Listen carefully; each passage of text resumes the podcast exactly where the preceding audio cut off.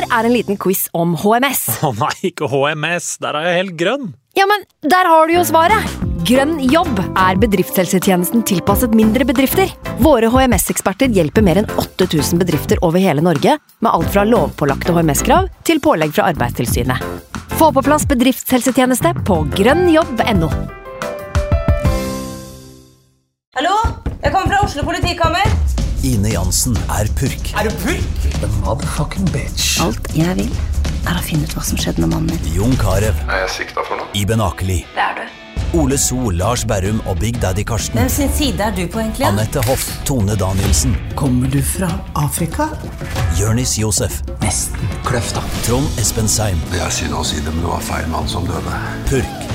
Premiere tirsdag på TV2 Play.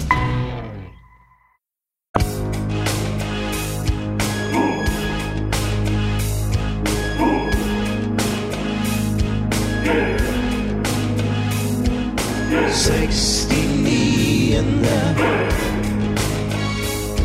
Den sekstiniende. Den sekstiniende.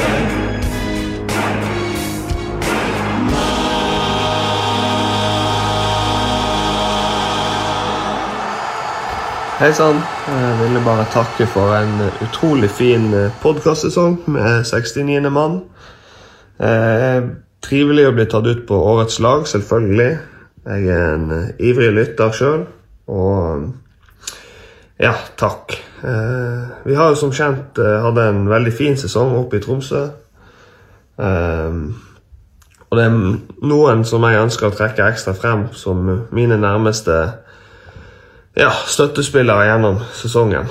Eh, det vil jeg si for meg har det vært eh, folk som eh, familien min, eh, Forsa Tromsø, selve klubben, byen, men ikke minst Mattis Moen, som har eh, fulgt meg ivrig gjennom en lang sesong og, og, og virkelig vært der. Eh, så jeg eh, har fått masse motivasjon av deg, og, og tusen hjertelig takk for at du driver meg fremover på den måten du gjør. Så god jul. Det er uh, sterke, meningsfylte ord fra Kall det årets unge spiller, i hvert fall i mitt syn. Uh, Jostein Gundersen. Vi har nå kommet til 12. desember. Sesongen er ferdig. Alle kamper er unnagjort i den norske, den norske sesongen. Eh, det er noe europagreier som de fleste av oss ikke bryr oss så mye om, men vi skal nå innom det også sikkert. Men vi må rett og slett oppsummere. Det er ikke en julekalenderepisode. Det er rett og slett en oppsummeringsepisode av Eliteserien 2023 og masse rundt der. Eh, Mitt navn er Snorre Feldal. Jeg har med meg Frank og Jonas selvfølgelig i, eh, i studio i dag. Vi sitter live eh, sammen og ser hverandre. Det kan jo gå alle veier. Men eh, vi har også med oss gjest. Eh, Vi kommer tilbake til eh, det, men først og fremst Hei! Eh, Dere ser utrolig stygge ut og, på nært hold. Jo, takk. Eh, men eh, skal, skal vi begynne med å snakke om eh, klippet på starten her, eller? Ja, ja, det er Årets unge spiller Jostein Gundersen på 2020, som du sier. Ja, og For meg, årets unge spiller Jeg, ble jo, eh, jeg lærte jo tidligere i år at Jostein Gundersen på ingen måte er en uh, unggutt, men en, eh, en eh, Late bloomer. En late bloomer, eh, om man er lov å si det. Så jeg ble rett og slett sjokkert når jeg så at han var 27 år. Men eh, han spiller jo som en mann, da. Det skal han jo ha. Så Sånn sett så er det jo ingen overraskelse. Men uh, det er en liten spøk fra min side, årets unge spiller. For det er klart, uh, han, han havner jo ikke i den kategorien. Vi skal snakke om en eh, Jostein etterpå. Det Yes. skal love dere. Men artig liten, lite stikk til Mattis Moen der, da. Og det er mange som sikkert ikke skjønner hva det er for noe, men Mattis Moen har ikke vært Tromsø eller, eller Gundersen sin aller største supporter i år. Så det var et lite stikk tilbake der, tenker jeg. Det må være lov. det må være lov. Men eh, Jonas, eh, du gjør som alltid. Overrasker meg. Jeg trodde vi skulle sitte her, oss tre eh, gode venner. Du får med gjest, du. Ja, jeg kom på deg på tur til, til Oslo i dag, for vi har vært i møte med moderne media.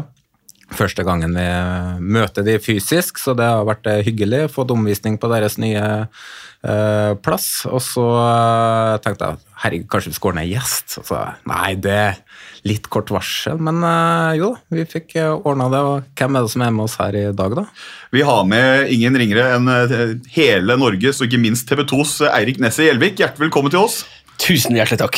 Eh, Jeg spurte deg i gangen her om du har fått landa etter den hektiske sesongavslutninga. Du sa ja, men eh, det har vært litt å ta tak i på tampen. Definitivt. Det ble en surrealistisk opplevelse helt på tampen. Og så var jeg faktisk på cupfinalen på, på lørdag også som privatperson, så jeg har nok litt å bidra med til to nedturer for begge dere to. Ja, det, vi skal innom nedturene. En, en episode der han Jonas er den som har det best. Ja. Det er helt nydelig. Jeg håper den dagen her aldri tar slutt. Sitte her i studio med to tapere som dere, det er helt perfekt. Ja, nei, det, er, det smerter eh, for Frank, og det smerter kanskje enda mer for meg. Vi har aldri lagt skjul på hvor vår tilhørighet ligger, så vi må selvfølgelig, som de objektive menneskene vi er, innom både cupfinale og kvalikkampen. Og vi kan egentlig bare rive av plasteret med en gang og egentlig bare hoppe rett på, på kvalikkampen. Det er det siste dramatiske som skjedde i den norske sesongen. Vålerenga med et kjempeutgangspunkt eh, før eh, returoppgjøret på Intility, og kollapsen skjer. Det går til straffer. Vålerengas neste kaptein, tror jeg, brenner eh, den siste straffa Vålerenga og på langt nær gir Kristiansund en, et eliteserieopprykk pga. det. De setter den siste, og nedrykket er klart. Det kunne ikke blitt mer dramatisk, eh, Eh, nei, det sto jo nærmest skrevet i stjernene når uh, denne chipen der nå blir avverga. Da er det et eller annet sinnssykt Selv om ja, det var jo sinnssykt allerede, og at det da skal bli Vålerenga sin store lokale helt som skal bomme, det var liksom bare opplest og vedtatt, føltes det som. Uh, så han går fram der og bommer, og scenen etterpå Jeg hadde kanskje forventa at det skulle bli en, enda mer litt sånn galskap, litt mer utskjelling, litt mer sånn eh, Nesten sånn storming av baner, og at det kom til å koke fullstendig over. Jeg synes det var ganske rolig, egentlig, så folk tok jo det med fatning. og Det, det vitner kanskje om at man bare så dette komme på en eller annen måte. altså Jeg vet ikke, Det var liksom en sånn følelse jeg satt med at det, Jeg tror, ja, men jeg, tror, jeg tror du er inne på noe, fordi jeg sto jo midt i supporter uh, på blokka der. Midt på, midt på cirka, uh, og det, det var noe som senka seg over østblokka. Ikke, ikke sånn at man har gitt opp, men når 2-0 kom, så, så skjønte man at nå er det alvor, nå er det dramatisk, og nå kan vi faktisk ryke. Og, og den følelsen har man jo sittet med eh, av og på gjennom hele sesongen, men nå er det ti minutter igjen. Hvis dette går til ekstraomganger, kan det gå alle veier. og når Jeg tror samtlige eh, hvis du spør samtlige, innser at dette ryker når man må ta den redda straffa da, på gås, i gåseøynene på nytt. Eh, det var såpass dramatisk. eh, det. Den er riktig, det er ikke noe å si på det. Eh, kanskje oppleves litt strengt, men den er vanskelig for oss å se på østblokka.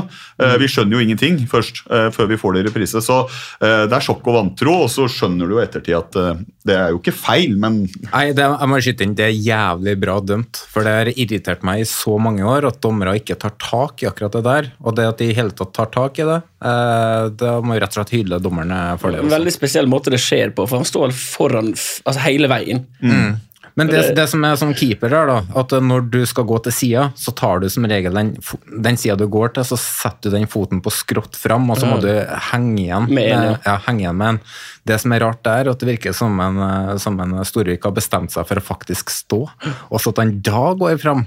Det tyder kanskje på at han er overtent, tror jeg, da, at han er så gira på å ta straffen at han ja. Og så henger jo straffen i tillegg. altså Han, han holder litt igjen Mm. før sparket, og da blir kanskje han eh, leda ut. da. Og så kan det kanskje være noe i det at han kommer innpå. Han byttes innpå før det skal tas straffer. Eh, Jonas har jo sagt eh, at Storvik eh, han mener en er er en av eliteseriens aller beste straffereddere. og Jeg tror i hvert fall at han er bedre enn Sjøeng per dags dato, så det byttet er greit. Men han er jo på en måte, Han har jo ikke vært involvert hele kampen, så kanskje blir det rett og slett et, et stykke overtenning i ett avgjørende øyeblikk.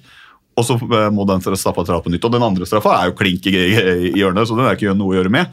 Men eh, Frank, du brenner inne med noe. jeg syns jo litt synd i han Sjøeng som blir tatt ut der. Han er jo Vålerenga-gutt og har jo lyst til å være med og hjelpe og sørge for at klubben berger plassen. Jeg Ja. syns jo synd i han når, jeg, når han byttes ut der hva det er fem minutter før eh, straffekonken skal begynne. så eh, Kanskje han Jonas har rett i at det er en bedre strafferedder som kommer innpå, men Ja, Storevik er- Det er bare å gå to sesonger tilbake i tid, og tre, og se hvor mange straffer Storevik faktisk redda for eh, Sandefjord. Han er mm, vanvittig god på straffer.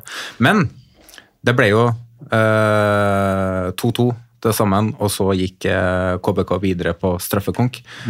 Hvem kunne melde det på forhånd, Frank? Frank? det her kan bli en seig episode, Ah, Frank. Det her kan bli en seig episode. Bare, bare slå, slå record-knappen. Jeg bare husker det var en som sa at det kom til å gå til straffekonk, og at men da sa jeg Strandberg bomma på Ja, ikke sant? Så du er jo milevis unna. Snorre er- Snarere det nå vi bare skal ta frem hele fantasy-konkurransen og gni Vi går tilbake videre. Nei, eh, vi, vi får ta det, for vi er ferdig med sesongen. Og Jonas, du har, fikk rett i den spådommen der, men vi har ikke prata noe fancy, for det er ikke vår oppgave. Det er det andre podkaster og andre folk som gjør bedre enn oss. Eh, Så det har vi ikke prata noe om eh, bevisst. Men vi hadde en konkurranse før starten av sesongen, oss tre imellom. Den som er best av oss tre, får lov til å tatovere den som er dårligst av oss. En liten sånn firebokstavers eh, tatovering på valgfri plass for den som taper. da. Og Jonas, den tapte du. Det, for å si det sånn, eh, det er du som tapte den her, for det er du som må tatovere meg nede i skrotum. Så det Ja, du skal nå Win-win fra en sånn. Så- Så vi skal nå se om vi får outsourca det, hvis det er der du skal ha den. må legge et bilde av det. Ja.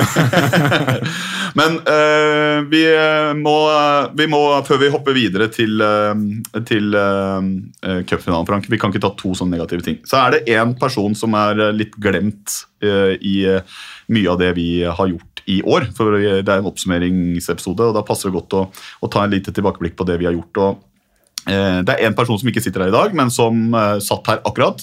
Som har vært veldig viktig for den reisen vi har vært på. Og vi kommer ikke utenom eh, vår daglige leder i det, det lille AS-et vi har oppretta. Hva heter AS igjen? D69M eh, Indie AS. Så, Les, les det kjapt. det, ja, det, les det kjapt. Eh, men eh, kjære Jenny, eh, først og fremst tusen hjertelig takk for alt eh, arbeidet du har lagt ned. Og Frank, eh, er det noe du har lyst til å føye til? Nei, eh, du eh, kan jo føye til at hun er jo eh, grunnen til at vi ikke er saksøkt for lenge siden. Så veldig god støttespiller å ha, eh, kall det ba, i bakkant. da. Ja. Ikke saksøkt ennå, altså. Ja. Få Lang historie. Lang historie. Jonas jobber med det hver eneste dag.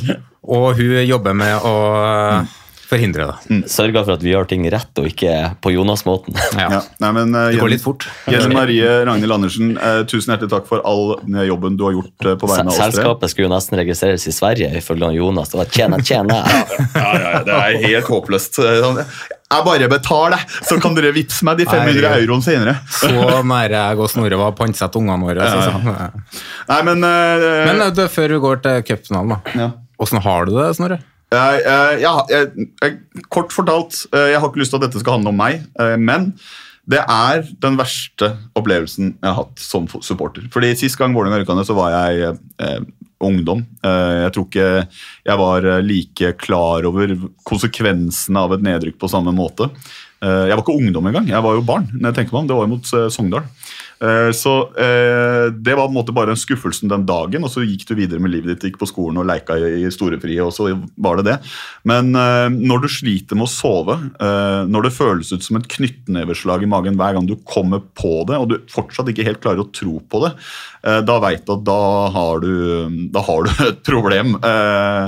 Fordi det, det går liksom ikke over, men på et eller annet tidspunkt så må du sette en strek og prøve å se framover. Så nå Sakte, men sikkert så har jeg tenkt å bruke dagens episode som litt terapi. Prate med dere, prate fotball eh, og rette blikket framover mot eh, 2024 og, og Obos-ligaen, hvor eh, ja, eh, kollegaer fra Eliteserien, Stabæk og OFK for eksempel, venter. Det kan jo bli artig å se hvem som takler det best. Eh, må begynne å tenke på den måten og heller legge det bak seg. Man kan ikke dvele for alltid. Lyn. Møter dere. Ja, men jeg, det som er problemet mitt, er at jeg anerkjenner ikke det helt ennå. Det, er- det er for mye å ta inn for en enkel gutt fra Vålerenga at, at vi skal opp mot de og få et serieoppgjør mellom de. Men det er klart, det også setter preg på neste sesong. Blir det utsolgt, tror du? Altså på Intility? Eh, det kan det fort bli. Ja. fordi eh, Siste jeg har hørt, da, er at eh, første dag med sesongkortsalg eh, var 40% bedre enn samme dag i fjor. Så det mobiliseres jo i hvert fall blant eh, supportere. Jeg tipper de fleste er liksom på østblokka. Så ja, Når vi er inne på Lyna, så må vi informere om at denne episoden her er sponsa og inneholder reklame. Var det bra nok merka? Ja, jeg tror det. Nei, for eh, det er, eh, det er sånn at denne episoden her er sponsa av Rørosbanken, og de er en av hovedsponsorene i eh, Lyn, og har vært med Lyn fra tredjedivisjon og hele veien opp til der det er nå. De, de har vært med på to opprykk, og de er klar for å ta sats og hjelpe Lyn også, og stå bak Lyn i 2024. Og de ser veldig fram til lokaloppgjør, derby, eh, Norges største derby neste år i Obos-ligaen, og gleder seg veldig til det. Og de kommer til å være trofast og stå med Lyn videre fremover. Så, um, så Rørosbanken er rett og slett eh, episodesponsor i dag. Ja, og Vi får håpe de også velger å stå bak Lynen på vei ned til tredjedivisjon.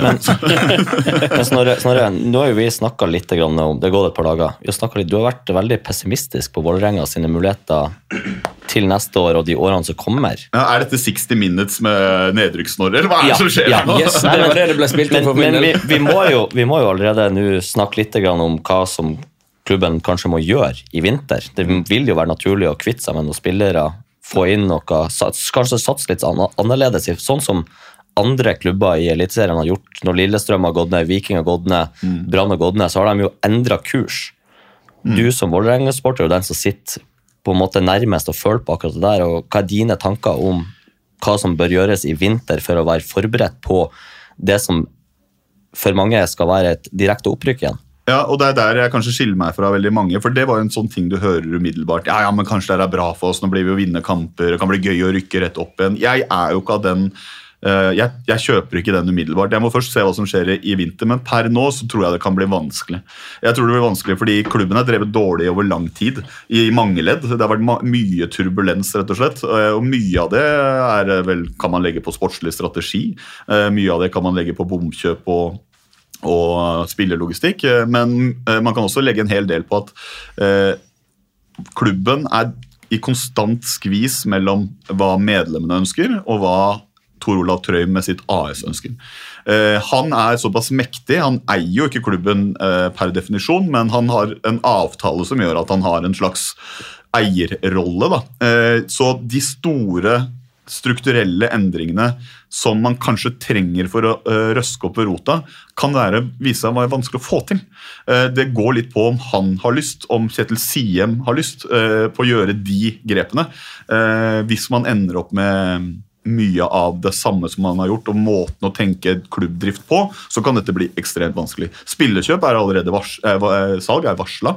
Eh, Det vil skje. Det blir spennende å se om det er ett salg i form av André Ilic som drar inn mange millioner, eller om man må kvitte seg med mange små for å eh, gjøre opp for dette. Hvem som kanskje ikke får ny kontrakt, hvem som kanskje felles enighet ryker. Det er mye der som kan skje. så Per nå så er det mye uavklart. Det er vanskelig å helt se en naturlig vei tilbake. fordi eh, vi rykker ned fordi vi er for dårlige for Eliteserien. Og det er ikke så stort sprang mellom eh, de beste i Obos og, og de dårligste i Eliteserien. Eh, I hvert fall ikke hvis eh, ned, pilene fortsetter å peke nedover for det som kommer fra Eliteserien. Jeg, jeg tror vi tar en egen episode på det her. ja, men da har jeg i hvert fall svart på spørsmålet. Eh, Jeg er ikke superoptimist, men eh, ok, la meg glemme dette nå. La meg gå videre med livet mitt og se hva som Men, skjer. men jeg, som meg- jeg som er opptatt av progresjon og utvikling, som vi snakker om i Rosenborg, da. den progresjon og utviklinga du har hatt siden søndagskvelden, den er massiv. Ja, den er massiv.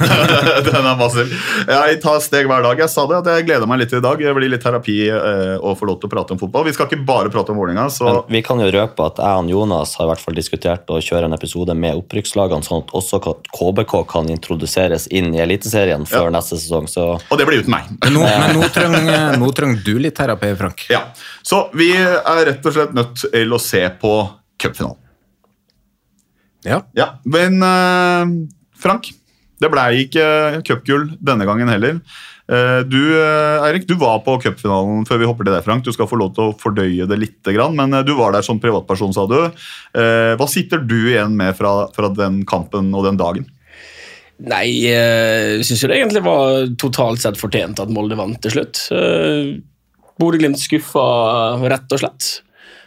Bodø-Glimt best på tribuner. Eh, imponerende antall som møtte opp. Jeg ser de får masse kritikk, men når du trekker Hvor mange billetter dere hadde? Det er litt vanskelig å si, men, eh, for det er jo en del som har kjøpt med nøytral plass òg, men det er jo en plass Og det var jo desidert flest. som Ja, det er jo en plass mellom mellom 12 og 15 000 som er Glimt-supportere. Det, det er ikke Bodø-Glimt-supportere som skylder Nei, jeg syns det er er- mektig imponerende på så Ja, kort varsel, med tanke på at man har hatt så mange høydepunkt gjennom sesongen. Så de som slakter deg, det syns jeg blir helt skivebom. Tenk hvor mange som på den tribunen her som har brukt eh, altså- Sinnssyke summer. Ja, rett og slett. Ja, det sitter jo en her eh, som har brukt Ja, og du er stor... på vei ut i store Europa også. Frank er jo grunnen til at vi må skaffe sponsorpenger til podkasten her, så vi får uh, sørga for at han har uh, pålegg på skiva si om dagen, for han eh, bruker jo opp alt på klubben sin. Men, eh, men det men, men går man igjen eh, tilbake til det som skjer på banen, så er jo det er jo et eller annet med Molde som Bodø-Glimt ikke helt har klart å, å knekke nå, selv om de vant i, i ligaen og sånn. og Ullevål det er ikke noen sånn drømmebane for dere, for, for å si det rett ut. To, to tap på ett og et halvt år i to cupfinaler, så det, det svir akkurat det der. Og jeg, jeg er ikke uenig i at eh, Glimt leverer en eh, langt under eh, par i kamp. Eh, Prestasjonen er ikke god nok i det hele tatt, og mye nerver. Så er jo jeg, jeg mener jo det at eh, det som skjer allerede ganske tidlig i kampen, der han Mangomo blir kleppa ned, og det er frispark og gult kort.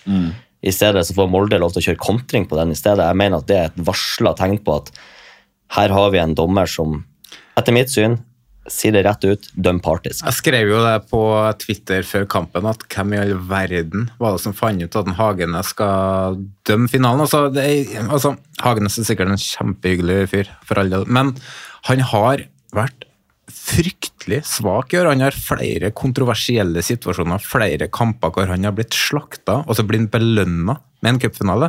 Det er det jeg ikke skjønner. Du har Svein Oddvar Moen som gjør en kjempekamp på Intility på søndag. Du har flere andre dommere som har levert jevnt brukbart pluss i løpet av sesongen her, og så er det Hagene som får finalen. Er det veldedighet de driver på med, Terje Haug og co.?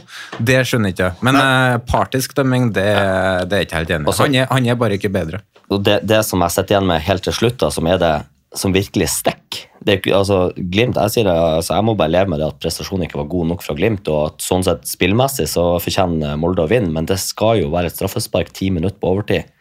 Og han tar det jo ikke, og han får jo ikke hjelp av de på bakrommet som sitter og ser det her på video.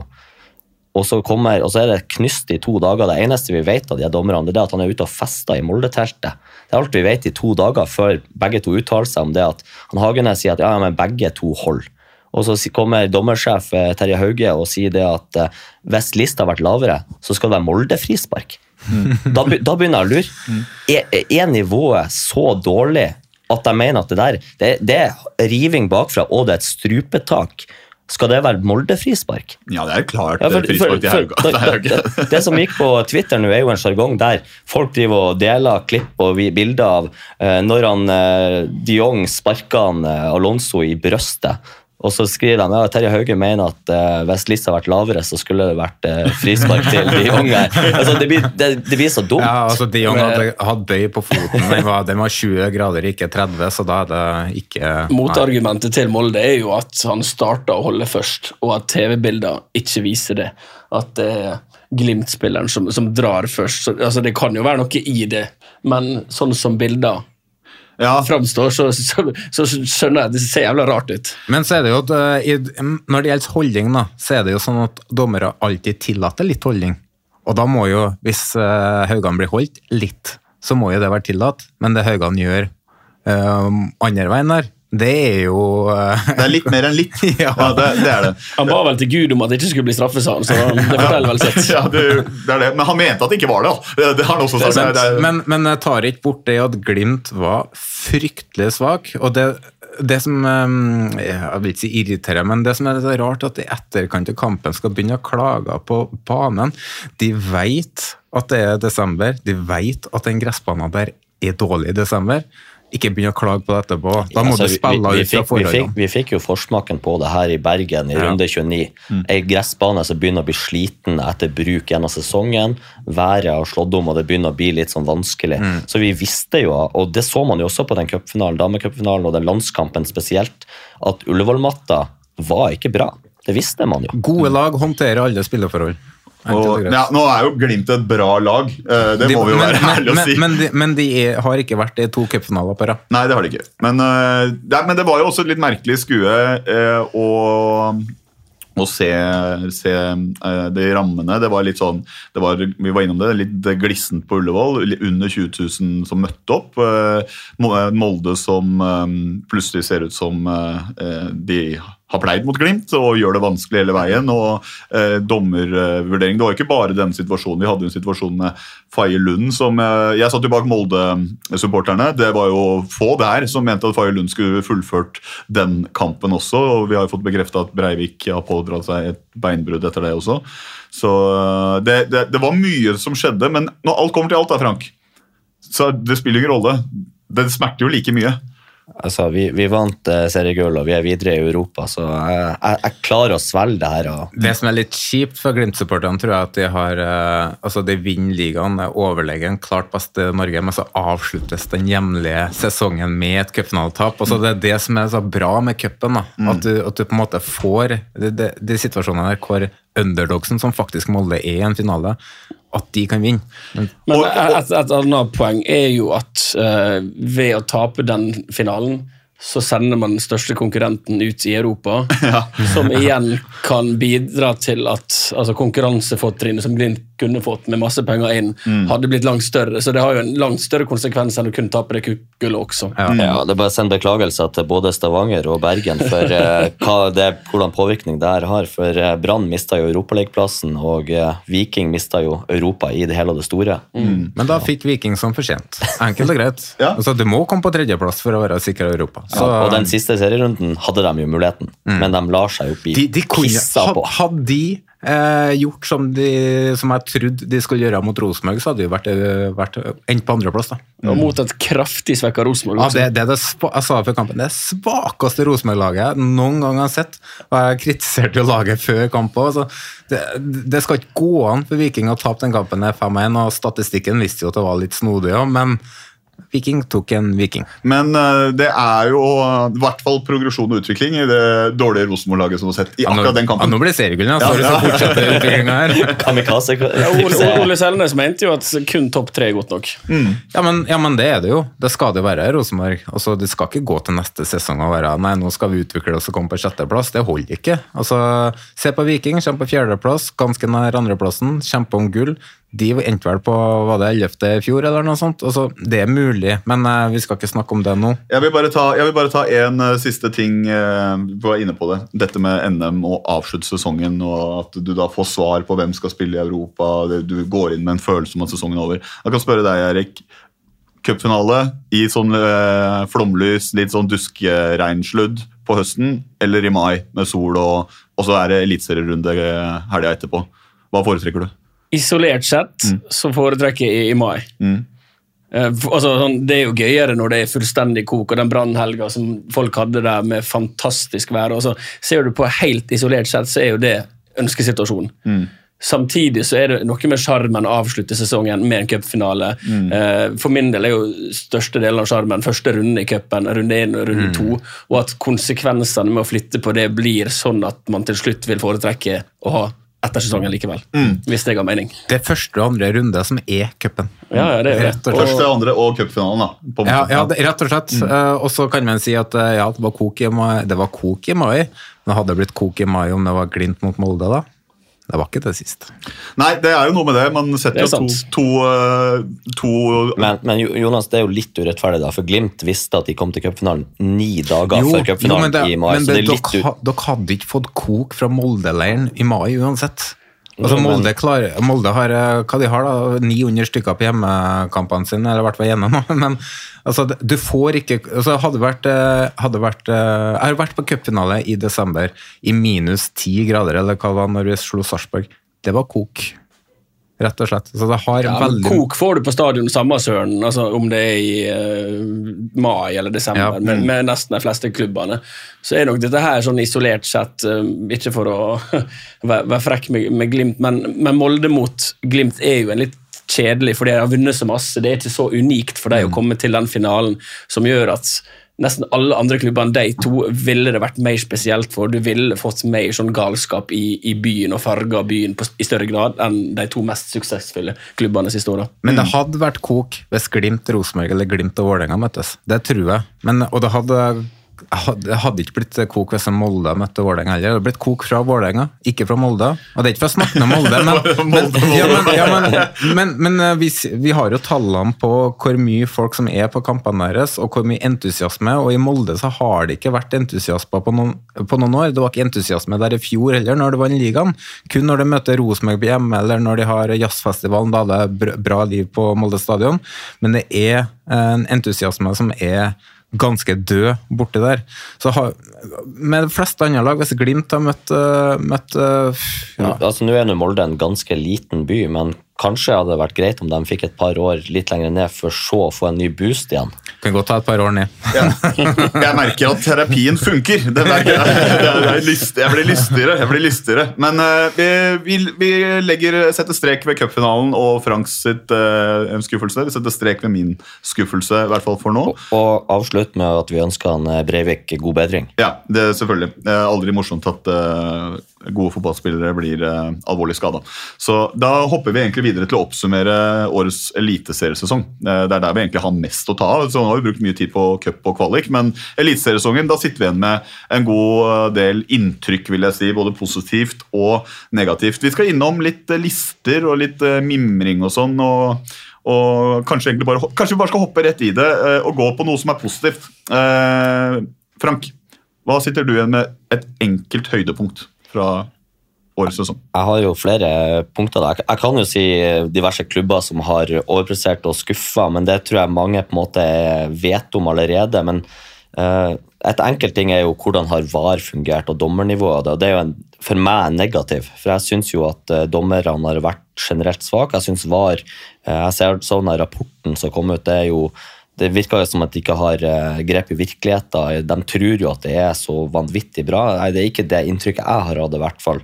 Eh, Det er ett punkt her, da. Men jeg, jeg syns jo ligaen har et større kvalitetsstempel, og det, det er noe som gradvis har bygd seg opp over flere år. Jeg syns kvaliteten på lagene blir bedre og bedre for hvert år som går, og det ser man spesielt med den, det, det høye bunnivået til topp fire-lagene og den vanvittige poengfangsten de har hatt.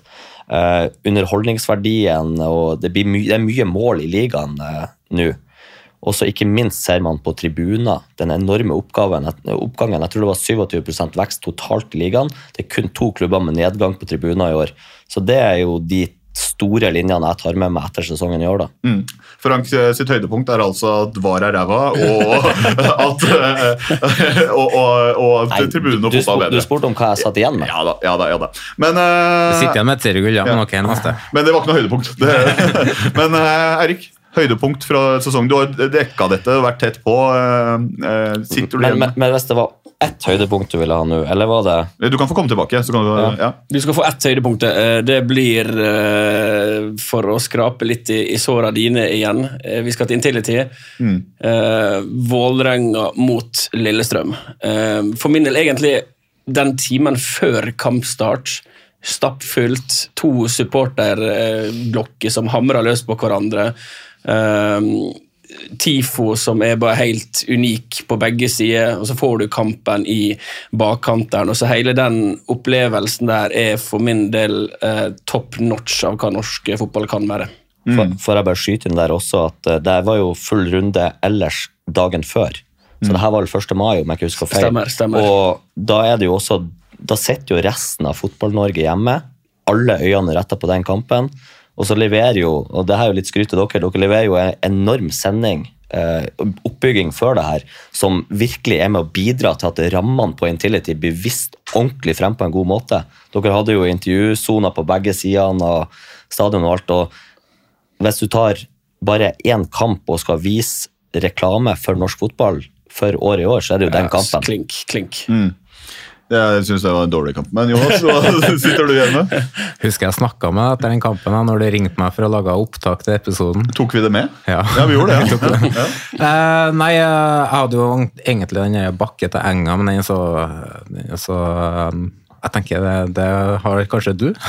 Men eh, eh, hvis jeg skal ta én ting, og det er to korte ting. Det ene er Tromsø sin snuoperasjon mot eh, Viking. Den syns jeg var helt eh, altså Det er det første jeg tenkte på, egentlig.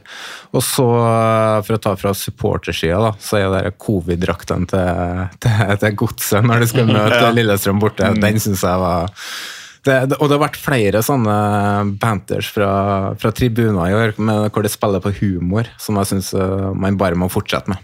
Mm. Nei, det er klart, eh, Du var inne på det, Frank. Et eh, tribuneår. eh, Tribu eh, supportermiljøer i vekst stort sett hos de fleste. Noen eh, litt sånn på stedet vil, men de aller aller fleste har en merkbar og solid økning. Eh, Så det, det har vært mye morsomt der. Eh, Hvis vi spoler tilbake til ditt enkelthøydepunkt, da, Frank, hvis du har fått tenkt deg litt om.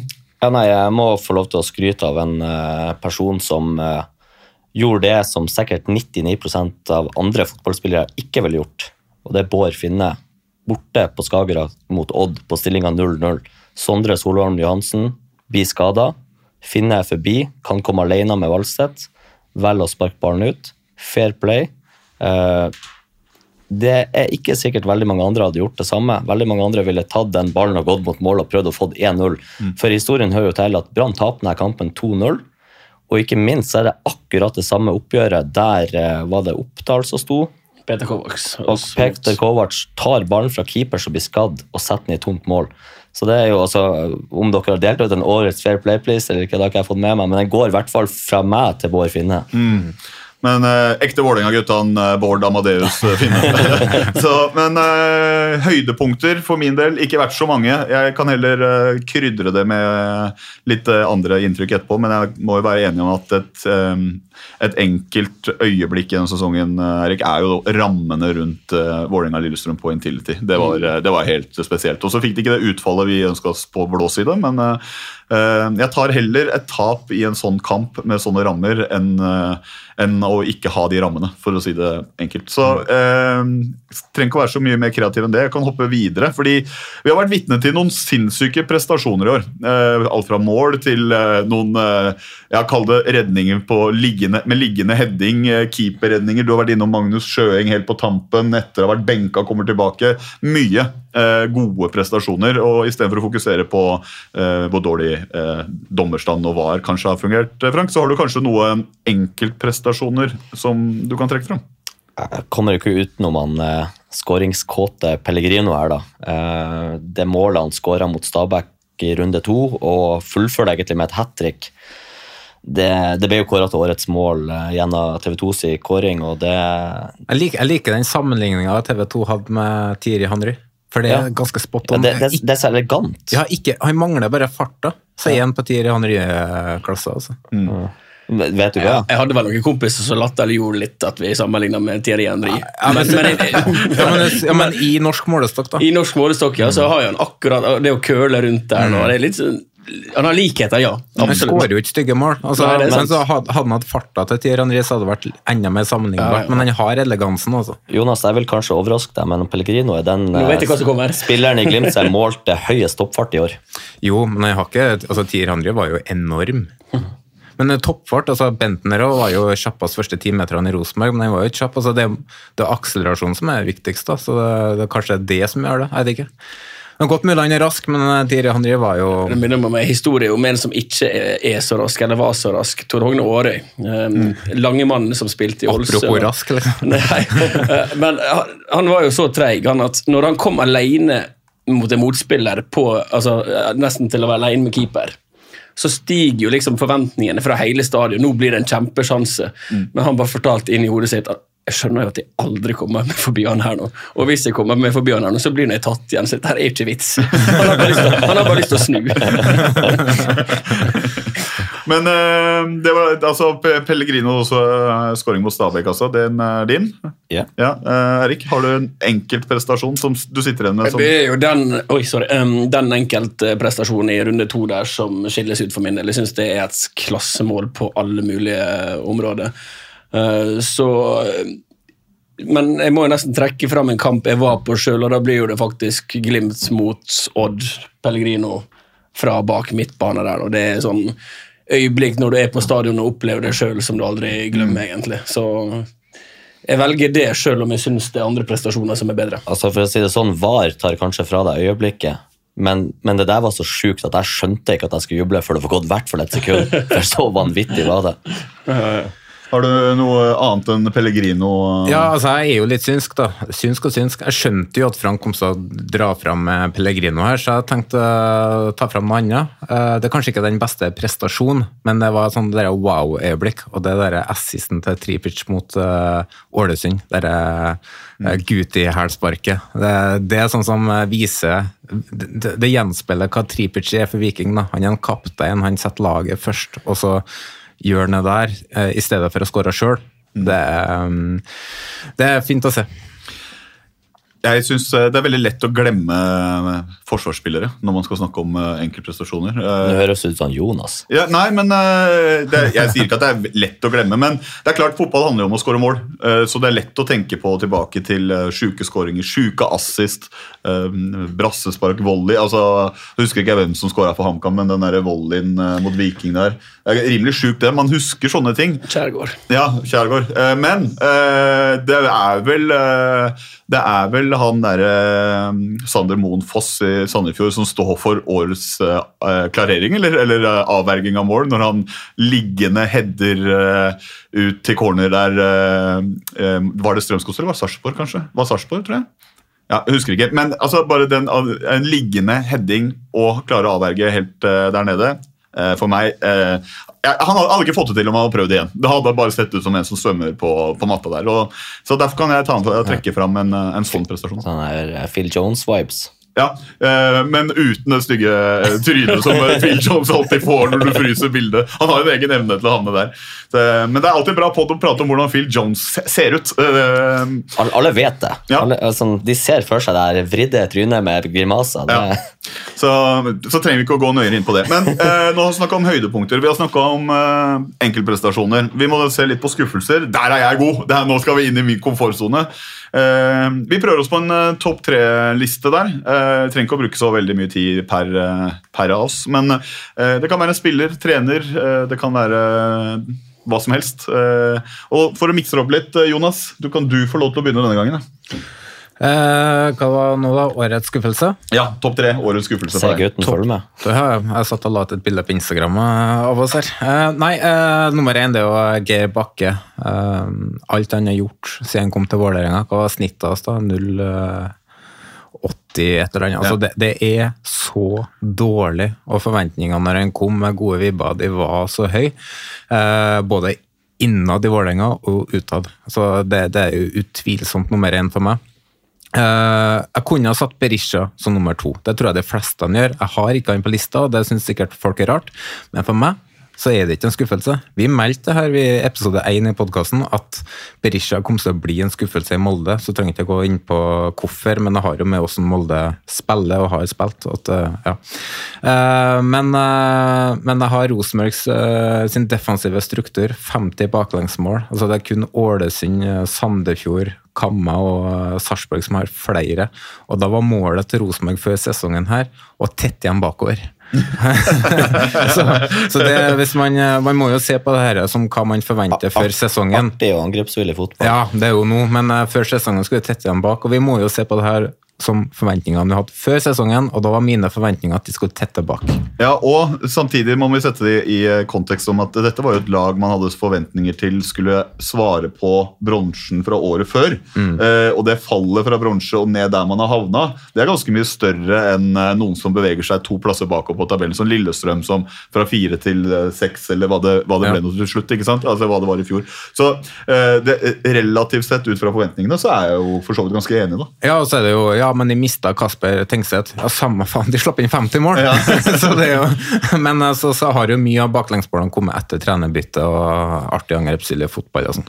Men eh, også på tredje så har jeg Ålesund, og isolert sett så er ikke Ålesund en skuffelse. Vi hadde de alle, i hvert fall jeg hadde de på nedrykk, kanskje på 15., men, eh, men altså, de ender opp med å skåre 23 mål. Det er sju mål mindre enn Stabæk, som hadde 30, som var nest flest skåra mål. Mm.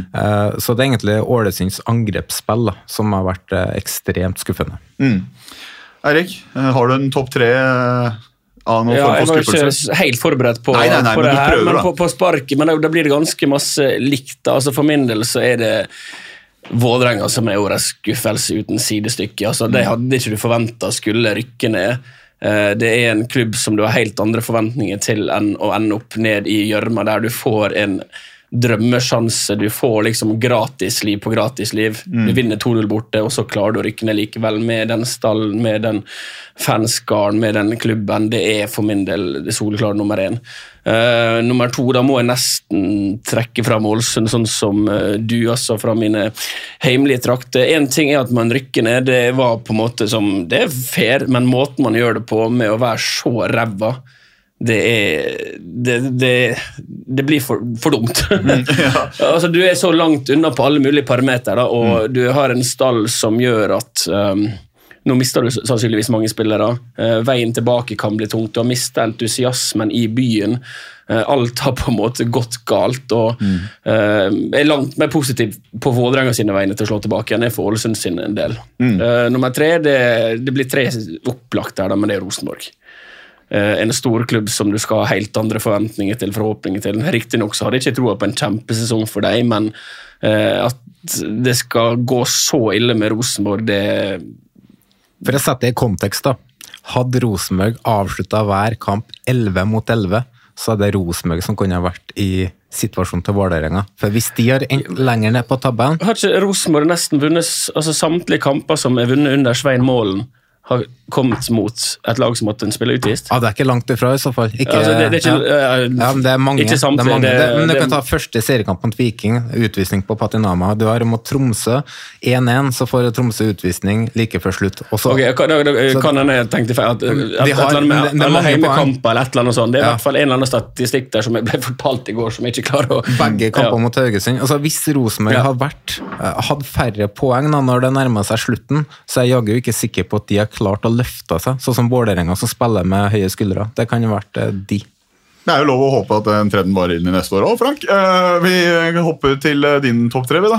Ja, Ikke det at jeg hadde så enorme forventninger til VAR og dommerstandarden i utgangspunktet, men de har allikevel klart å havne øverst på skuffelseslista mi. Mm. For jeg mener det at det som blir uttalt, og det skulle være ti kamper prøveprosjekt, og så skulle ting fungere så det skal, og nå er det tre år, og så sitter det sikkert litt ferskt i meg det her med cupfinaletapet òg, men ja, jeg legger årets største skuffelse på VAR og dommernivået. Uh, nummer to er beklager, Vålerenga. Ja, men Du Eh, trenger ikke å beklage til meg. Nei, det... Jeg er helt enig. Men, det, men det, er bare, det, er jo ikke, det er ikke bare sportslig, det er hele klubben. Det har vært sirkus der i hele år. Og så kan man si at ja, det er greit at de er med og lager show, og så videre, men det virker som at det, det er fullstendig oppløsning til tider. Så det er Vålerenga på nummer to, og nummer tre har jeg satt uh, klubber, da spesielt min egen, men klubber som bøtelegger og utestenger supportere for uh, å kun ønske å skape stemning på stadion med bluss og pyro og den slags. og det jeg kan jo si Bodø-Glimt, men det er flere klubber dessverre som ikke behandler oss supportere på den beste måten og samarbeider best med oss. da, Så er det jo lov å håpe at det er ting som kan endre seg. Mm. Jeg kunne jo sikkert prøvd å snekre sammen en uh, egen liste, men den hadde jo fort sett uh, noe lik ut som uh, totalen her. Uh, Vålerenga er vanskelig å komme utenom. Men jeg, hvis jeg skal ta en som utvikler seg underveis i sesongen, ikke bare før, hvis jeg kan slenge inn der, så selv om vi har kalt det å kalle det en viking, den totale kollapsen eh, som jeg trodde denne gang skal det holde inn, de skal følge Bodø-Glimt inn til døra, Eh, det skuffa meg litt. Fordi jeg følte at som nøytral supporter der, når de svikta, så ble jeg eh, litt rana fra den der gullkampen som man I hvert fall de som, dere som jobber med formidlere, gjerne ønsker at det lever helt inn. Jeg følte at det er Vikings skyld, og det skuffa meg litt. så, Ja, Vi følte jo at det var gullkamp der lenge. At Ja. du, det er liksom lett å hause opp ting og få interesse rundt det. Jeg tror man ser det på seertallet og engasjementet på slutten at Vi merker- Vi merka på lyttertallene våre når Viking vant og når det tapte, for vi har ganske mange, ja, vi har ganske Ja, mange så, så norsk fotball er jo uten, uten å kødde avhengig av at det er litt spenning. Og du ser det med, med Vålerenga nå også i seertallene i kvalikkampen. Utover i kampen der, så er jo det meget bra, plutselig. Så, Ja, skade- så, så, så vi trenger faktisk den der eh, Skadefri på 2-2 der. Det er helt sikkert. Og så er, så er det litt rart at vi ikke kom, vi må, kommer ikke utenom, vi må nevne. Sesongen til Molde i serien har vært en enorm skuffelse. Regjerende seriemester er avhengig av å vinne cupen for å få Europa. Det faller fra første til det ble vel femte. Ja, Ja, vi, vi, vi, har en, Eh, er- vi har en kalenderluke snart nå, hvor eh, vi skal ha en Molde-gjest, hvor vi prater faktisk en del om det. Ja, så, men eh, det, må- det må nevnes. Men det er, du kommer ikke utenom at det fins kanskje større skuffelser eh, totalt sett, men det er jo eh, en skuffende sesong, og jeg tror ingen i Molde er fornøyd med det. Og jeg tipper de allerede har begynt å planlegge om Altså, å slå tilbake. Cupgullet og mulighet til Europa League redda på mange måter sesongen. men Kontrast, kontra, men kontrastene til Molde er jo så store hvis de ikke vinner cupfinalen. Altså fra, altså, fotball er jo rar på mange måter. Cupgull gjør at ja, Mo leverte greit han på en eller annen måte, men uten det så har det vært krise. Og Det samme er det jo med kvalik for Vålerenga sin del. Hvis man hadde redda det der, så eh, ville man jo sagt at ja, ja, men totalt sett så gikk jo dette greit. Men her, er- det er jo Eh, et, eh, enda et eh, argument for å ha cupen som avslutning på sesongen. At du har eh, Molde som må vinne, og så har du flere lag som, får, eh, som blir påvirka av det. Eh, Men eh, vi hopper videre. Eh, det er eh, flere ting vi skal gjennom. Vi hopper til noe som også er en topp tre, men med en liten vri. Årets supportergruppe. Men ikke lov med egen klubb, hvis ikke så sitter vi jo her og, og blir fort ikke Ja, det blir fort ikke noe All, alle har jo J-feltet øverst, har de ikke det? jo, selvfølgelig. Men eh, Frank, du er jo tett på supportmiljøet. Du er på eh, stort sett eh, alt av kamper du har tid og råd til, både hjemme og borte. Du har jo um, opplevd både de, de fleste supportergrupper på hjemmebane, de veldig mange eh, når, som eh, på bortebane, og sitter med i hvert fall et solid inntrykk for eh, din del av hva um, supportergruppene har levert. og Du kan jo få lov til å åpne din topp tre-liste. da. Ja, det er, jo, det er umulig å komme unna de store miljøene, og det er jo på veldig mange måter kan du si at det er fem store miljøer i Norge eh, som eh, skiller seg vesentlig ut fra de som er under. da.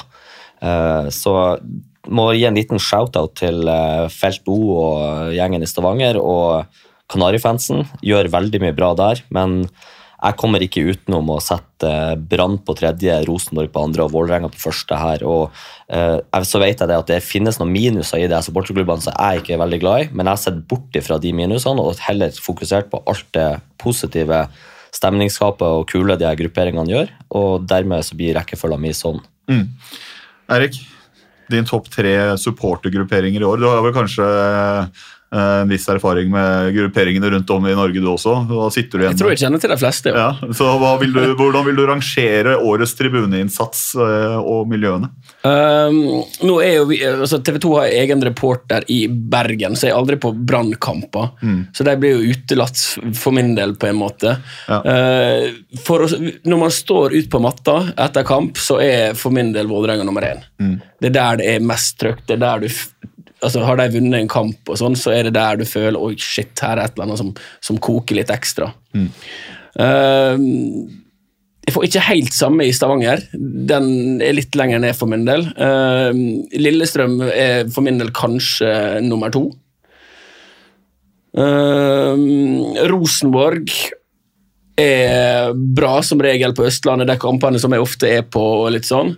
Uh, så jeg, altså Ut ifra opplevelsen med han ned på matta, så jeg, går jeg for Vålerenga, uh, Lillestrøm og så tre Rosenborg. Men da er Brann på en måte Der har ikke jeg så hatt så masse erfaring med uh, å, å gå kamper i år. Så uh, når du snakker med spillere, så er jo kanskje de på at Brann stadion er, er stadion som er, kanskje er mest trøkk på. Ja. Jonas, du eh, fra sofaen i Kodal har vel dannet deg en eh, fasit? Selvfølgelig. Nei, jeg har tatt en litt annen vri på det, for jeg regner med at listene kommer til å bli ganske like. Så jeg har tatt de som har imponert meg mest. For, eh, for det, det, er jo, det er jo grupperinger som har gjerne samla seg, som har tatt steg, som kanskje overrasker som har overraska meg, da, også bortefølge og alt. Eh, så Vålerenga kommer man ikke utom. De, de har vært i særklasse i år, og spesielt imponerer det meg fordi at de har vært der de er. da. De gjør det i motgang, og ikke i medgang, sånn som man f.eks. har i Bodø. da. Jeg hadde likt å se samme motsatt, så det hadde vært en forskjell. Mens, mens eh, for Vålerenga så har østblokka virkelig stått bak eh, klubben. Og så har jeg på eh, andreplass der, så har jeg faktisk satt Tromsø. Ikke fordi at de er nest best i Norge, men fordi at de har eh, Men de, de gjør det i medgang.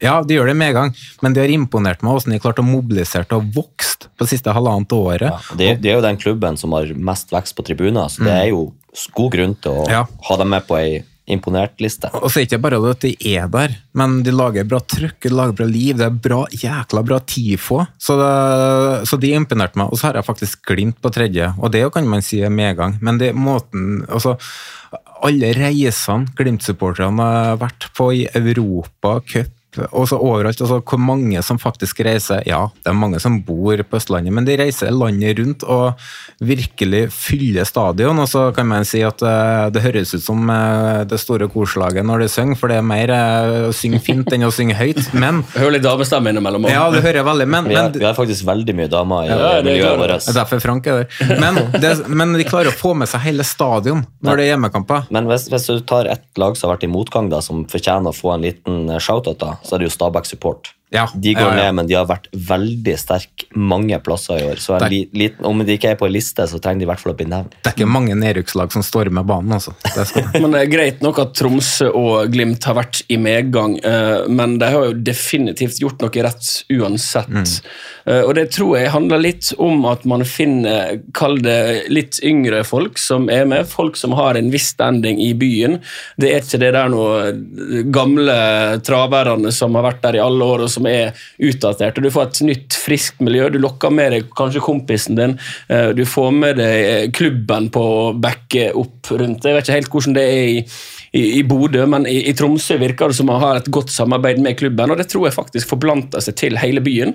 At har man et friskt, kult supportermiljø med entusiasme rundt seg, så bygger man en helt annen kultur i hele byen som gjør at folk har lyst til å være med på dette her nå. Jeg, tror- jeg, de, jeg tror de to byene i Norge som er best der klubben er best å samarbeide med supporterne, det er Tromsø og i Stavanger. Ja, definitivt. Og så er det shout-out til Morten Killingberg og vår gode venn Arne eh, i Tromsø. Men, eh, Han Arne som vil være gjest her. Ja, men eh, hva heter den andre supporterklubben til Tromsø? Is- Isberget? Isberget. De, de er jo der ennå, som fortsatt starta jo på nytt. og De starta med Morten Killingberg, og, og de, de har gjort så mye riktig der. Og jeg håper, og jeg tror faktisk òg, etter å ha snakka med Morten, at eh, den da motgangen kommer, så vil fortsatt store deler av det feltet bestå. Men, det, men det, tror jeg er eksempel til etterfølgelse for andre klubber rundt om i Norge. Altså Bygg supportermiljøet supportermiljø rundt deg du har lyst til å ha med deg. Hjelp deg, støtte om det. For litt av, litt av greia med å gå på en fotballkamp live i Norge, er jo at du vil ha med deg supportertrykket fra begge sider. Ellers så kan du sitte og se den på TV. Altså, Da får du reprise, du slipper å fryse i, i desemberkulde og alt.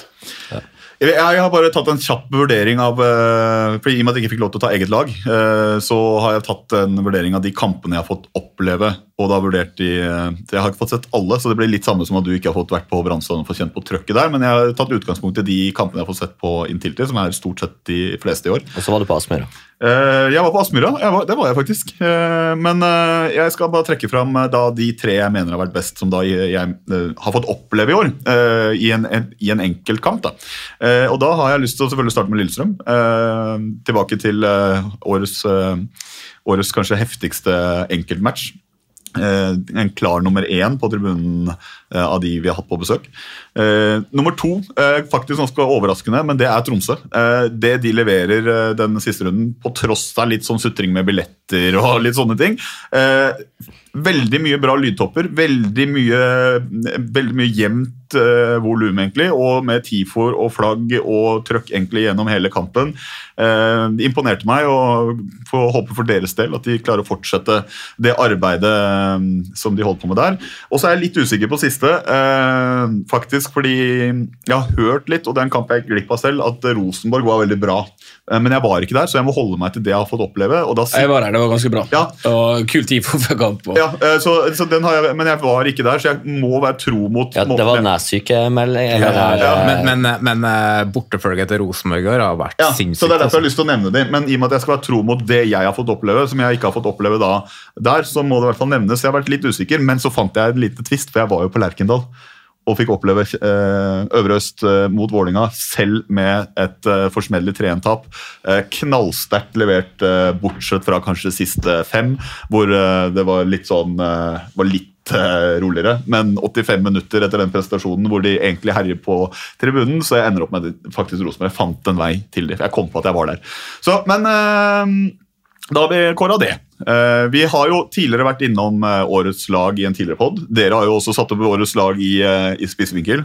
Eh, gjorde ikke det? Eller var det? Nei, eh, det er jo ikke, men TV 2 har satt opp årets lag. lag, så- Jesper og Jav. Ja, så det har blitt satt opp årets lag her og der, så for de som lurer på hva vi mener om det, så tror jeg ikke vi hadde endt på noe annet. Nei, da hør på, altså Det ligger på sosiale medier, og så tok vi det runde tredje oppsummeringa med Mikkelsen. Ja, eh, Så vi kan heller se på noen sånne type gjennombrudd, trener, unge spiller, årets spiller. eh, For der kan man ofte være litt uenig. Eh, Så vi går bare rett på årets gjennombrudd. Eh, Heller ikke lov med egen klubb, da. Eh, Du får ikke lov til å ta noe fra Ålesund. Så, så da kan jo, kan jo du få starte igjen, Jonas.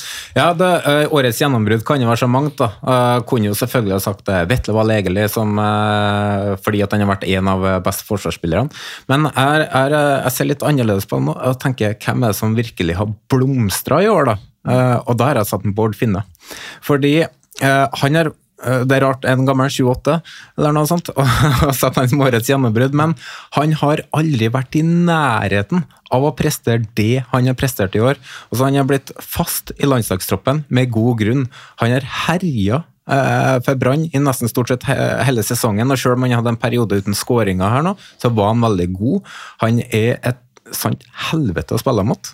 Han er bevegelig, han presser, han springer, han er god med ball. Altså han, han løfter det brannlaget der så mange hakk som eh, kanskje en av de beste, eller viktigste enkeltspillerne for en klubb den sesongen her. Og i og med at han har spilt en del år i Eliteserien før, han satt litt på Obos ved Brann i fjor, han, på benken i Obos ved Brann, han satt, eh, var på kant eller benken i Brann, han har aldri fått det til på toppnivå helt i år. Derfor så setter han som at han endelig fikk årets gjennombrudd. Kunne også ha tatt eh, Jostein Gundersen som eh, virkelig har blomstra i år. da. Han er ung ennå, Ja, er ung, Men uh, Eirik, årets gjennombrudd, som da ikke er eh, Ålesund-spiller, hva sitter du igjen med da? Nei, Jeg lurer kanskje på om jeg ville gått til, til Sandefjord. da, Danilo Alseid. Eh, så ekstremt viktig for eh, sin klubb. Og så For min del så handler gjennombrudd litt om hva forventninger du har til en spiller. Prestere som angrepsspiller på et lag der det kanskje ikke er så enkelt å prestere. Bare se for deg hvordan han ville gjort det i, i Glimt, der eh, en kantspiller har drømme arbeidsforhold, så han er nok den som skiller seg ut. Og så kan jeg nevne en som ikke er, så masse snakka om i Odd, Faniel Tevelde, som har vel skåra fem-seks mål i Eliteserien. Um, blir ikke snakka så masse om, kanskje litt pga. Sverre Nypan i Rosenborg. Så um, det står mellom de to, men jeg velger nok uh, Alsaid. Og Frank? Ja, jeg kunne egentlig gått på begge veiene. Både han Jonas og Erik har jo gått her, men eh, jeg, har valgt å ta han eh, Felix Horn Myhre i Brann. Nei, han skulle jeg ta! Den er fin. Nei, nå er jeg helt det er, det, er litt, det er litt det der med det at han har jo på en måte etablert seg inn i det laget, men i år syns jeg han har vært en av ligaens klart beste midtbanespillere. Han kom ikke på årets lag for oss, fordi at vi har, har tre stykker jeg syns er bedre, men han er i vannskorpa til å være inne på et årets lag og en av de bedre spillerne i ligaen. Eh, potensielt eh, stort salgsobjekt for Brann. Jeg vil, også bare ta med, jeg vil også bare ta med et poeng der. og det var Sist gang vi så han i Eliteserien, så rykka han ned med Brann og spilte høyreback etter at han dro fra Vålerenga fordi han ikke hadde lyst til å spille høyreback. Så han har vært gjennom en reise, han er også, og eh, rett og slett eh, vært rett og slett nødt til å, å starte litt på nytt i Obos. Og så har han klart å ta med seg det inn i Eliteserien, eh, og har kanskje blitt litt mindre snakka Og, om. og, og talentet hans har man jo sett i mange år. Jeg så talentet hans allerede i 2019 da han var på lån fra Vålerenga til Glimt. Mm. Det var en Patrick Berg ble skada, men skulderskaden skulle være ute i tre måneder, tror jeg det var. Mulig husker mine feil, men kom tilbake allerede etter én måned. Så han kom jo tilbake etter skade mye tidligere, og dermed fikk jo han eh, Felix Holmyre mindre tid Mm. eh, i laget enn hva som var forespeila, og Vålerenga henta han tilbake igjen tidligere. Så jeg så jo allerede da hva som bodde i gutten, men det har liksom blitt som du snakket om, en litt sånn kronglete vei, Mm. og nå syns jeg han er på et skyhøyt nivå. Ja. Så jeg kan stille meg bak den. Jeg hadde tenkt tallet, men da får jeg rett og slett eh, prøve å tenke litt utafor boksen superkjapt. Og vi- hvis vi ser bort fra at Viking tok en Viking, Eh, og det er mange der som kanskje må ta en runde med seg sjøl. Så vanskelig å komme utenfor Markus Solbakken, og som også blir tatt ut i landslagstroppen av far sin. Eh, var eh, vel eh, ikke var vel ikke sånn at man var helt trygge på at han skulle bli lenge i Viking, men de fikk landa en ny kontrakt. Han totalt sett eh, hatt en eh, veldig god sesong. En shout-out til Ulrik Mathisen i høst. Mm. Så, men eh, da har vi vært gjennom gjennombrudd. Eh, en ting som alltid skaper debatter, er årets trener. Eh, fordi eh, folk vekter det forskjellig. Er det den som har vunnet mest? Er det den som har hatt størst liksom, eh, progresjon fra forventning til hva man ender opp med? En ting som er sikkert, er at det er neppe Geir Bakke som stikker av med den i i hvert fall denne podden, men vi kan jo prøve oss på en aldri så liten topp tre på årets trener. Frank, hva er din? Ja, jeg sender den også til Bergen og Eirik Horneland. Eh, Sølv i ligaen etter opprykk. Eh, tar det cupgullet som er i mai.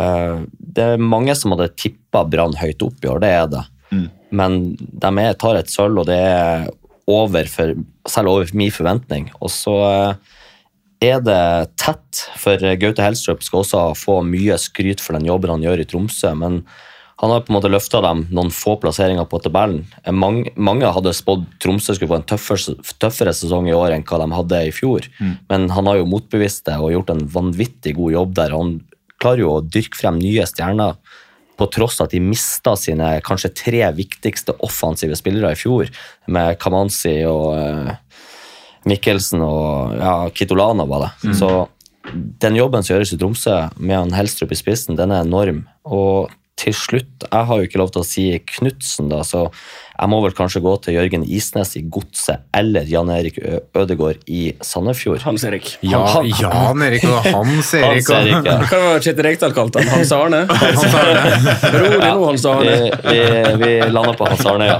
Nei, men det, det må bli en av de to som får tredjeplassen, da, for uh, hadde, altså, hvor hadde du hatt Knutsen hvis du uh, skulle ha plassert den inn? Uh, andreplass foran Helstrup. Ja. Knutsen ville vært der for meg, for jeg mener at han Horneland fortjener å vinne eh, tittelen Årets trener med prestasjon til Brann. Du da, Erik? Jeg tror faktisk jeg går for Helstrup, jeg, ut ifra forventninger. eh, I forhold til å prestere ut ifra eh, ja, rett og slett forventning og ressurser og den slags. Jeg syns det er en massiv prestasjon å, å gjenskape en eh, råsterk sesong for andre år på rad. Ta Tromsø til bronseplass og ha nå en mulighet til å komme seg inn i Europa og virkelig sette fart. Så kort og greit. Jonas? Før eh, jeg sier lista mi, så må jeg påpeke at jeg syns Kjetil Knutsen er den beste treneren i Ja, Norge. det, det er jo noe annet Ja. hvem som er best. Og, altså, selvfølgelig må jo man vekte når man vinner gull og sånne ting, men Jeg må bare påpeke Ja. det, så ikke jeg får Ja. enda en hattelefon fra Bodø fra en som glemte å sette på skjult nummer. det var gøy! Men eh, jeg har ikke Knutsen på topp tre-lista, for det jeg forventa Glimt-gull, og de vant gull. Det er egentlig prestert som forventa i min bok, da. Hvor, Eh, men hvor da hadde han hvis han hadde vunnet cupgullet òg? Altså, jeg går bare på Eliteserien. Altså, hvis, eh, hvis han skulle vunnet her, så hadde han måttet komme på noe sånn à la Så du, 2020-sesong. du vektlegger ikke, ikke det han presterer i Europa ved sida, og klarer å mikse opp det at han skal spille elleve kamper når andre lag skal spille seks? Nei. Jeg bare, bare Rein eliteseriefokus her. Ja, Eh, nei, jeg eh, jeg skjønner, jeg, skjønner, skjønner argumentet ditt. da. Um, nei, jeg har Helstrup på første, og så jeg mener at han og så har jeg Horneland på andre. og jeg jeg mener stor forskjell der, selv om Horneland er imponert, jeg hadde de i toppen og trodde de skulle være i toppen. Tromsø hadde jeg langt ned. Jeg tror jeg hadde de på tolvteplass i år. Eh, så kan man si at det er elendig tippa, men, men jeg trodde de skulle ha slitt stort med å erstatte de tre spillerne som Frank nevner. Og, Men de har ikke. Eh, De har imponert spillmessig, i hvert fall etter, eh, etter man kom i gang med seks-sju kamper, så har de vært imponerende gode. Eh, Og så har de fått resultater. Han får fram enkeltspillere. er- Det kommer nye, unge spillere oppi der, som Romsås og, og Paintsil og, og Diof. han får det beste ut av hver enkelt spiller og laget som kollektiv. Så Helstrup nummer én, Horneland nummer to. Imponerende sesong. Uh, og så det, det er så irriterende og provoserende for meg som Rosenborg-supporter å se hva han faktisk får ut. Uh, og så er faktisk Horneland en av de få som drar fra Trondheim med som er godt likt, for alle likte Horneland. Alle så hvor hardt han prøvde, så det er viktig å få fram. Så er jeg på tredjeplass, så er jeg Mikkelsen i Kamma. Jeg hadde HamKam på klink nedrykk i år. Og så ikke for meg at de skulle klare det her, og sette et par kamper. Så ja, se der, ja. Det, det har ikke sjans. Men det HamKam klarer med å overleve med det laget de har, den troppen de har, som jeg mener er en nedrykkslag, det, det er imponerende håndverk av, av Mikkelsen. Mm. Jeg skal ikke ta en eh, topp tre, for da blir det fryktelig mye likt her. Men jeg, jeg veier inn i debatten og sier for meg eh, jevnt mellom Helstrup og Hornland. Men jeg velger å gå Helstrup eh, pga. totalt sett hva du oppnår med eh, utgangspunktet, ressursene, eh, hva som skjedde før sesongen. Eh, jeg skal ikke ta noe vekk fra Brann og Hornland, men eh, jeg har heller lyst til å eh, slå et slag for eh, Gaute eh, og det han har gjort. og derfor blir Det er, det er jo på en måte en litt sånn umulig øvelse. Ja. For, for Kan egentlig Kjetil Knutsen gjøre det noe bedre? Altså, Han, han kunne vinne cupen. så, så du kan, det var vel et år, var det ikke en trener som meldte seg ut av trenerforeninga, Skullerud i Molde? Gjorde det liksom perfekt, men ble ikke kåret til årets trener. eh, meldte seg ut. Men Kåre Inge- Kåre Ingebrigtsen har vant jo ligaen et par år uten at han fikk det. Ja, og når han først fikk det, så leverte Rosenborg en dårlig sesong. Ja, det er håpløst å egentlig skulle Ja. Kåre den, fordi at noen kan ikke gjøre det bedre, men så ja, kan prestasjonen likevel være større ved å berge Men, men jo hvis alle lagene presterer som forventa, da. Mm. Da er jo Knutsen på første. Men når du har et lag som for i min bok var, var tippa på tolvteplass, og så ender de helt i medaljekampen Mm. Det skal litt til for å toppe det også, for meg. Men jeg skal ikke ta noe vekk fra verken Horneland eller Kjetil Knutsens prestasjoner. det var ikke det. Jeg har bare lyst til å mm, slå et slag for eh, jobben Gaute Helstrup og teamet hans har gjort med Tromsø i år. Eh, tida går fort når man sitter sammen. Vi må bare dundre på videre. Vi har igjen et par eh, bolker før vi får runda denne oppsummeringa. Eh, årets unge spiller. Eh, Jeg kan gå først, da. Da blir det Jostein Gundersen, og så blir det Bård Finne. Og jeg, jeg, Det holder med topp to, så Frank. Nei, jeg legger den på en unggutt nede i Sandefjord. Vetle Valle Egeli. Jeg skjønner ikke hvordan TV 2 klarte å unnlate å ha han med i kåringa si en gang, men Det var ikke mer Nei, for meg er det nummer én, og det er ikke for å ta fra den jeg mener er den mest spennende unge spilleren, er Sverre Nypan. Han har jeg på andreplass.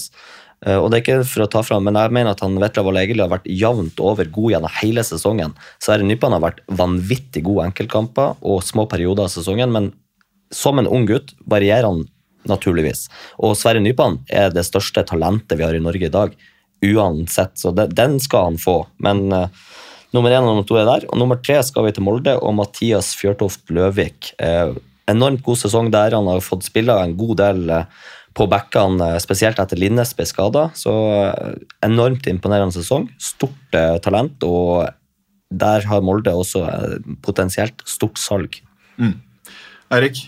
Nei, Det blir så likt for min del, egentlig. Så, og så hørte jeg at TV 2 får kritikk av dere når, du, når vi nevner litt sånn ikke nevne enkeltspillere, så jeg tør liksom ikke å blande. Men eh, nei da, langt på vei enig der. Og så syns jeg at kanskje Melkersen i Godset har vært en veldig positiv overraskelse, i hvert fall. Eh, slått til fra dag én, uh, vært med og løfta det laget der nå. Det har vært imponerende. Jonas, da? Jeg er òg Vetle på førsteplass. Eh, utrolig jevn, stabil og fin sesong. Og så må han eh, løfte seg litt offensivt eh, og bli litt mer farlig, selv om han har noen målgivende der. Det er noen på dødball.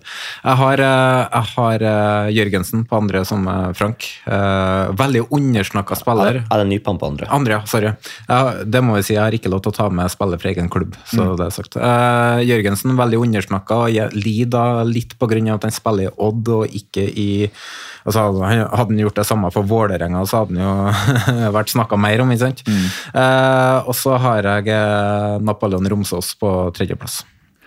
Den er ikke dum, den. Eh, Romsås, som for øvrig kanskje burde vært nevnt også i gjennombrudd, den ble litt forbigått. fordi... Ja, altså både Tromsø og så Nå var vi innom Odd også. og så Tvelde nevnte nå. Tvelde i stad. Tvelde er en av de spillerne som er watch out for neste år. Mm. Hvis han får spille eh, spiss i Odd Ja, for, for det er ikke gjennombrudd. Han har, han har bare så vært innom og sagt Ja, hei, han, og satt men- han i mål. Han har ikke fått gjennombrudd ennå. Men, Men han kan bli, han kan bli den neste Mm. store spisseksporten fra Norge. Der har Odd en juvel.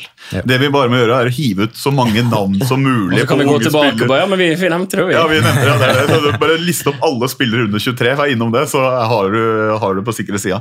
Uh, vi har vært eh, innom det meste, men det er jo liksom rosinen i pølsa av eh, prestasjoner når ikke alder skal vektes inn. da.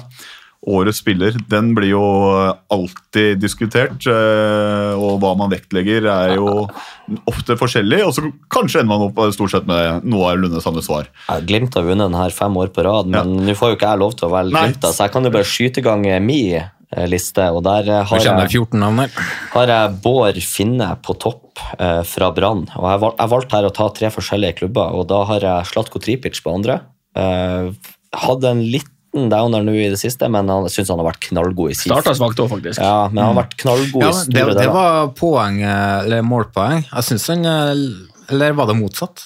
Han leverte målpoeng, men spilte Men spilte svakt. Ja, det var- det var det, var, ja. drøssevis av målpoeng, da, så at han er Ja. med, det er jo helt ja. greit. og til slutt så skal vi helt nord i landet, og eh, det som jeg syns er årets beste forsvarsspiller, Jostein Gundersen, som eh, ga oss introen i dagens episode. Mm. enorm Glad, glad i Tromsø, Forstad Frank. Overhodet ikke. Men, eh, men Jostein Gundersen ryktes jo til Glimt, så jeg må jo smøre litt her. Ja, ja, ja. oh, det er Sånn har det blitt. Sånn har det blitt At dere plukker opp alle de unge talentene, Frank! Eh, Eirik, eh, topp tre eh, spillere for deg, rett og slett. Klin umulig å komme unna Amal Pellegrino. Mm. Antall målpoeng, det er nok sagt. Mm. Spektakulære mål. Bård Finne nummer to, egentlig. Uh, var steingod ganske lenge. Uh, og så blir det fort Albert Grønbæk, altså. Mm. Hvis jeg kan være djevelens advokat da, på uh, Amat Pellegrino Det er ikke at jeg er uenig, men uh, det er det at eh, han, det toppnivået er så skyhøyt. Det er så mye målpoeng at det er umulig å komme Ja, det- unna det, det- Men samtidig, når han ikke har dagen, så ser han ut som uh, han egentlig ikke hører hjemme på eliteserienivå. Det er bare, det er Han, han, kan, han kan på en måte være den dårligste på banen. Ja. Han var, Men- men så- svak i cupfinalen, liksom, men så Ja. plutselig kan han dra fram det unike som gjør at du må bare spille med han likevel. Men jobb, jobben til Pellegrino altså Han spiller venstrekant, og da forventer man at en venstrekant eller høyrekant skal stå for litt spektakulære ting. Men jobben til Pellegrino i det Bodø-Glimt-laget det er å skåre mål. Ja. Det, er det, han må, det er det han må vektlegges. Ja, nei, så Jeg skal ikke si at jeg er uenig, men bare for å, hvis jeg skal prøve å få litt eh, debatt rundt uh, Amal Pellegrino fordi jeg, jeg, er ikke så, jeg tror ikke jeg er så veldig overraska over om du kanskje har han på topp, Jonas. Nei, jeg har ikke det. Uh, Grønbæk er Eliteseriens beste fotballspiller, men Pellegrino har vært Eliteseriens beste spiller i år, så er Grønbæk på andreplass. Og som Frank satt den Jostein Gundersen på tredjeplass. Vi må ha med en forsvarsspiller. nå. altså det blir bare angrepsspillere når media som kårer årets beste lag. Vi må krydre med enten keeper eller kunne hatt en Selvik der, men Gundersen sin sesong i Tromsø, eh, kanskje som en representant for og så kan vi nevne han Westerlund, Vesterlund, som Ja. har flankert ut på høyrebacken der i kan- tillegg. vi Enorm si- sesong. Du kan si at Gundersen representerer TIL-forsvaret, men det er han som har fremheva seg kanskje mest. da. Ja.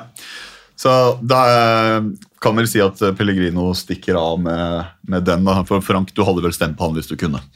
Nei, jeg tror faktisk jeg har en Grønbæk som spiller for min egen del, men Pellegrino, målpoengene, ja, det er vanskelig å motargumentere det, men Grønbæk, jeg syns det er, som han Jonas sier, Eliteseriens beste fotballspiller.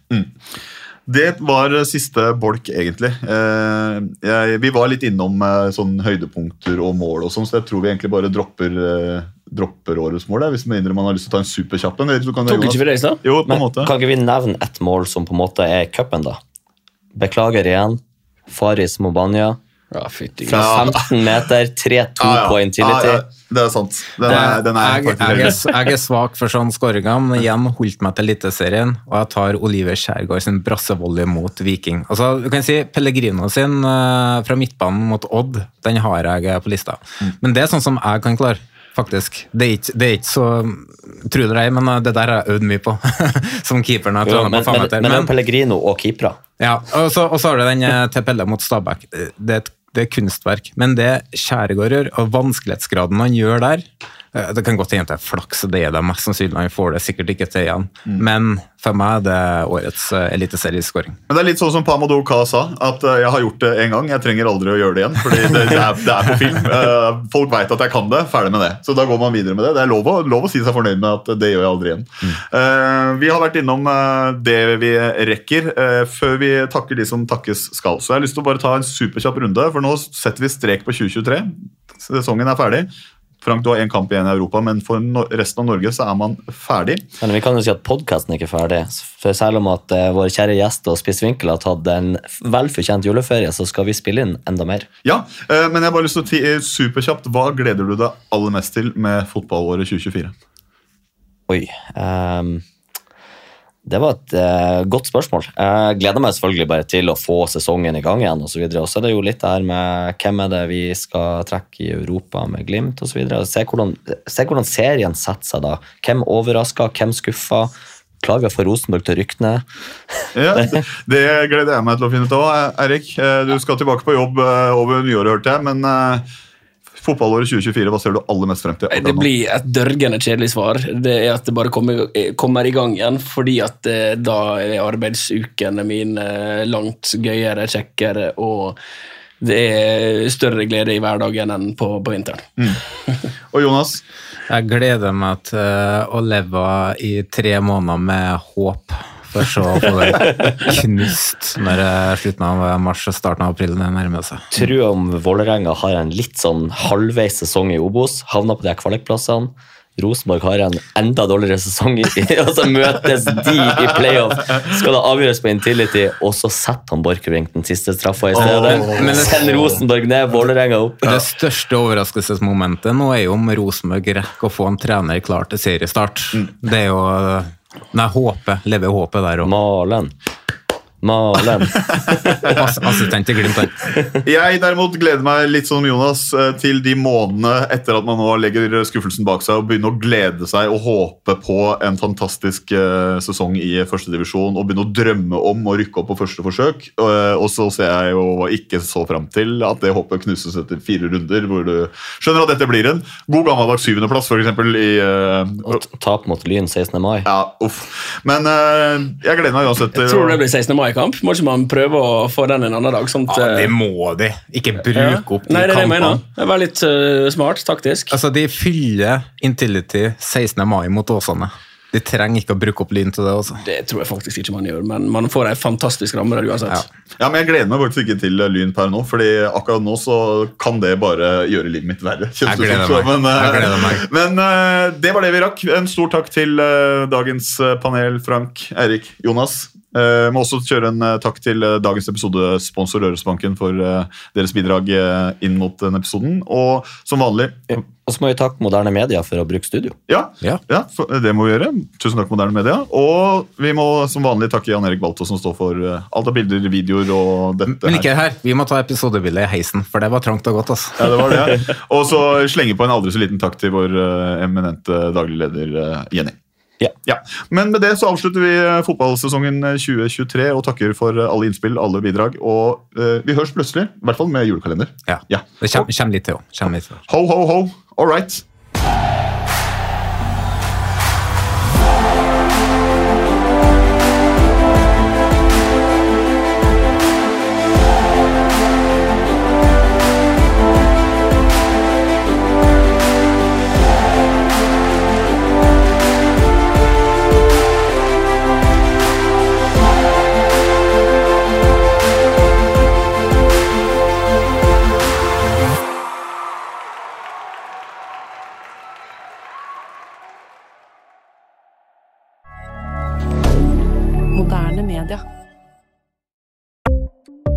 Ukens annonsør er HelloFresh.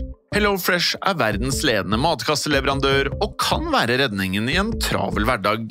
Mange av oss har nok vandret i butikken både sultne og uten en plan for middagen, som ender med at vi går for de samme kjedelige rettene gang på gang. Middag burde være dagens høydepunkt. Som HelloFresh kan du nå velge mellom 25 ulike retter hver eneste uke, eller få HelloFresh til å sette sammen menyen for deg. Dette gir deg muligheten til å prøve nye og spennende retter alene eller sammen med familien. Du velger antall porsjoner og får alt levert på døren på et tidspunkt som passer for deg. Oppskriftene er enkle, og maten er lett å lage både for store og for små. Ved å få alt levert hjem får du også mer tid til å dele matgleden med familie og venner. Kanskje det frister med asiatiske tacos eller greskinspirert kylling? Da kan jeg anbefale deg om å gå inn på hellofresh.no. Her kan du bruke koden FOTBALL og få opptil 1779 kroner i rabatt på de første fem matkastene hvis du ikke har prøvd Hello Fresh tidligere. Du kan også bruke rabatten hvis du har vært kunde og stoppet abonnementet ditt for tolv måneder siden eller lengre. Gå inn på hellofresh.no og bruk koden FOTBALL. Ukens annonsør er Folio, en smartere banktjeneste for deg som har en egen bedrift eller ønsker å starte for deg selv. Folio er en superenkel nettbank for bedrifter. Som kunde i Folio får du en bedriftskonto med et bedriftskort og app. I denne appen er det smarte løsninger som forenkler regnskapet ditt, uansett om du har en liten bedrift eller et enkeltpersonsforetak. Folio er både intuitivt og brukervennlig, og er laget med et enkelt språk. I tillegg tilbyr de forutsigbare priser og ingen skjulte gebyrer. Skulle du likevel trenge det, så kan du snakke med deres raske og hyggelige kundeservice, og der får du prate med en faktisk person og ikke en chatbot. Folio er med andre ord både enklere og koseligere enn banken. Over 10 000 bedrifter har allerede valgt Folio som sin banktjeneste, så besøk folio.no og se hvordan Folio kan forenkle din hverdag også. Har du et enkeltpersonforetak eller en liten bedrift? Da er du sikkert lei av å høre meg snakke om hvor enkelt det er med kvitteringer og bilag i fiken, så vi eh, gir oss her, vi. Fordi vi liker enkelt. Fiken superenkelt regnskap.